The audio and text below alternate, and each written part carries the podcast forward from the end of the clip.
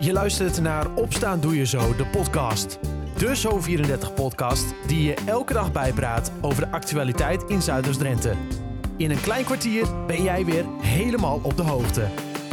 Het is dinsdag 1 februari 2022. Dit is Opstaan Doe Je Zo, de podcast, aflevering 130. Het is een wisselvallige dag met vooral veel regen. In de middag een paar droge periodes met kans op windstoten. De temperatuur komt uit op 9 graden. Vandaag is het Chinees nieuwjaar. Dit Chinese jaar is het jaar van de tijger. En verder in het nieuws vandaag. De beslissing over carnaval wordt uitgesteld. De ministers en burgemeesters van carnavalsgemeenten voeren gisteravond overleg, maar vinden het nog te vroeg om beslissingen te nemen, zegt voorzitter Bruls. We kunnen nu fantastisch ruige plannen uh, bedenken, maar als over twee weken het kabinet concludeert om goede redenen van nou, dat gaat toch anders. Uh, uh, misschien beter, maar misschien ook slechter. Ja, dan moet je die plannen weer gaan aanpassen. De burgemeesters zeggen dat het onmogelijk is om anderhalve meter afstand te houden als cafés of feesttenten open zijn. Rijkswaterstaat gaat binnenkort de binnenkant van vuurtoren Lange Jaap in Den Helder inspecteren met een drone.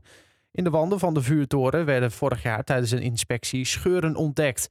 En die lijken er al langer te zitten, zei minister Mark Harbers tijdens een werkbezoek. Scheuren die echt aanleiding tot zorg gaven, eh, die blijken door bestudering van, van, van foto's overgeschilderd te zijn.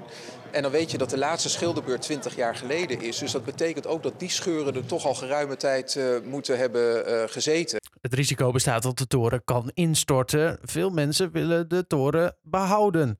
En vandaag verdwijnt de fax uit de rechtbanken. Tot gisteren werd het apparaat nog gebruikt, maar vandaag gaan ook daar de stekkers eruit. KPN stopt namelijk met de faxlijnen. Een uitvinding uit 1843. En dat was uh, een experiment met een metalen plaat. En het bericht werd in zegellak erop geschreven.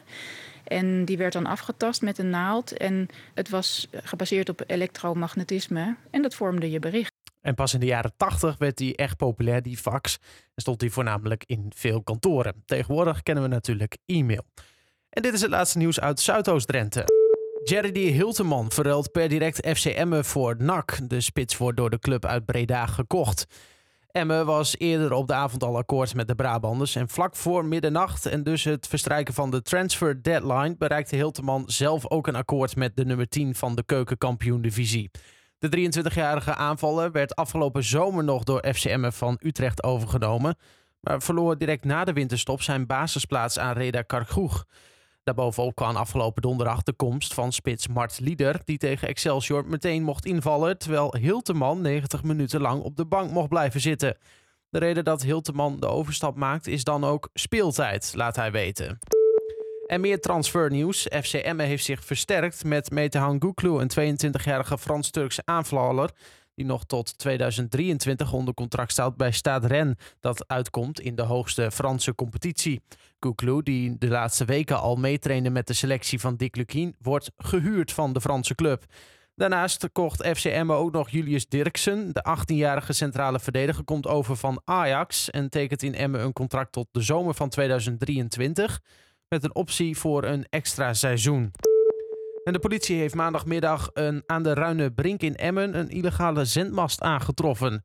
Vanuit de omgeving waren klachten binnengekomen vanwege een storing. Ter plaatse werd er op heterdaad een verdachte betrapt op het illegaal zenden. Zender en de stuurzender zijn door de politie in beslag genomen. De zendmast wordt door de verdachte zelf weggehaald. Tot zover de laatste nieuws uit de regio. Voor meer nieuws kijk je in de app of ga je naar zo34.nl. Inwoners van Kleindijk zijn al jaren ontevreden met het verkeer dat door het dorp gaat. Want doorgaand verkeer naar Oost-Groningen moet niet door het dorp Kleindijk rijden, vinden zij.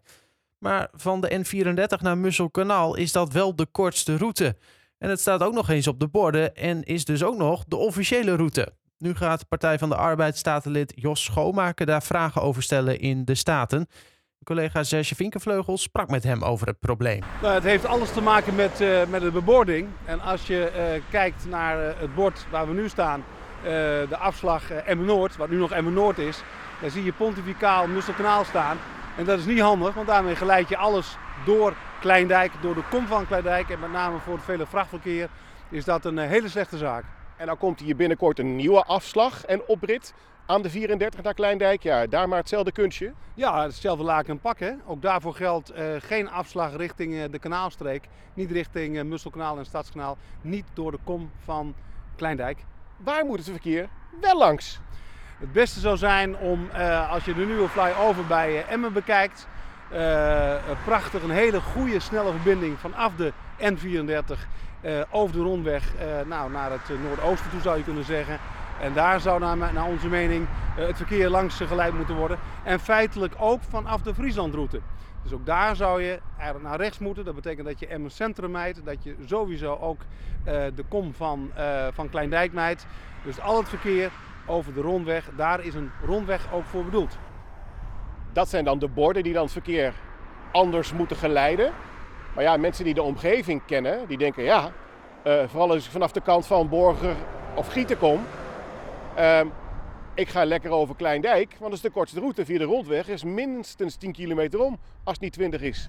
Ja, maar het is wel zo dat de verbinding uh, met de rondweg, uh, dus door middel van die nieuwe flyover, dat is allemaal veel luxer geworden. En ook op de rondweg, daar worden ook maatregelen genomen. Daar wordt ook gestreefd naar alles, alle kruisingen ongelijkvloers te maken. de rotonde bij de afslag en mijn kompas wordt aangepakt. Dus dat wordt echt een veel goeiere, betere, snelle verbinding. Ja, misschien een kilometer is iets langer, maar wel sneller. Ja, en ook veel comfortabeler. Hè. Het is een, een dubbele weg. Maar het belangrijkste is, je moet in deze uh, tijd niet meer dwars door een, uh, een kom willen rijden. Geen goede zaak. Het verkeer raast over de N34. Jan Koopman van de verkeerscommissie van Kleindijk. PvdA zegt, haal de borden nu meteen maar weg bij de afslag Emmen Noord. Begin daar maar eens mee. Goed idee? Ja, dat lijkt me zeker een prima idee.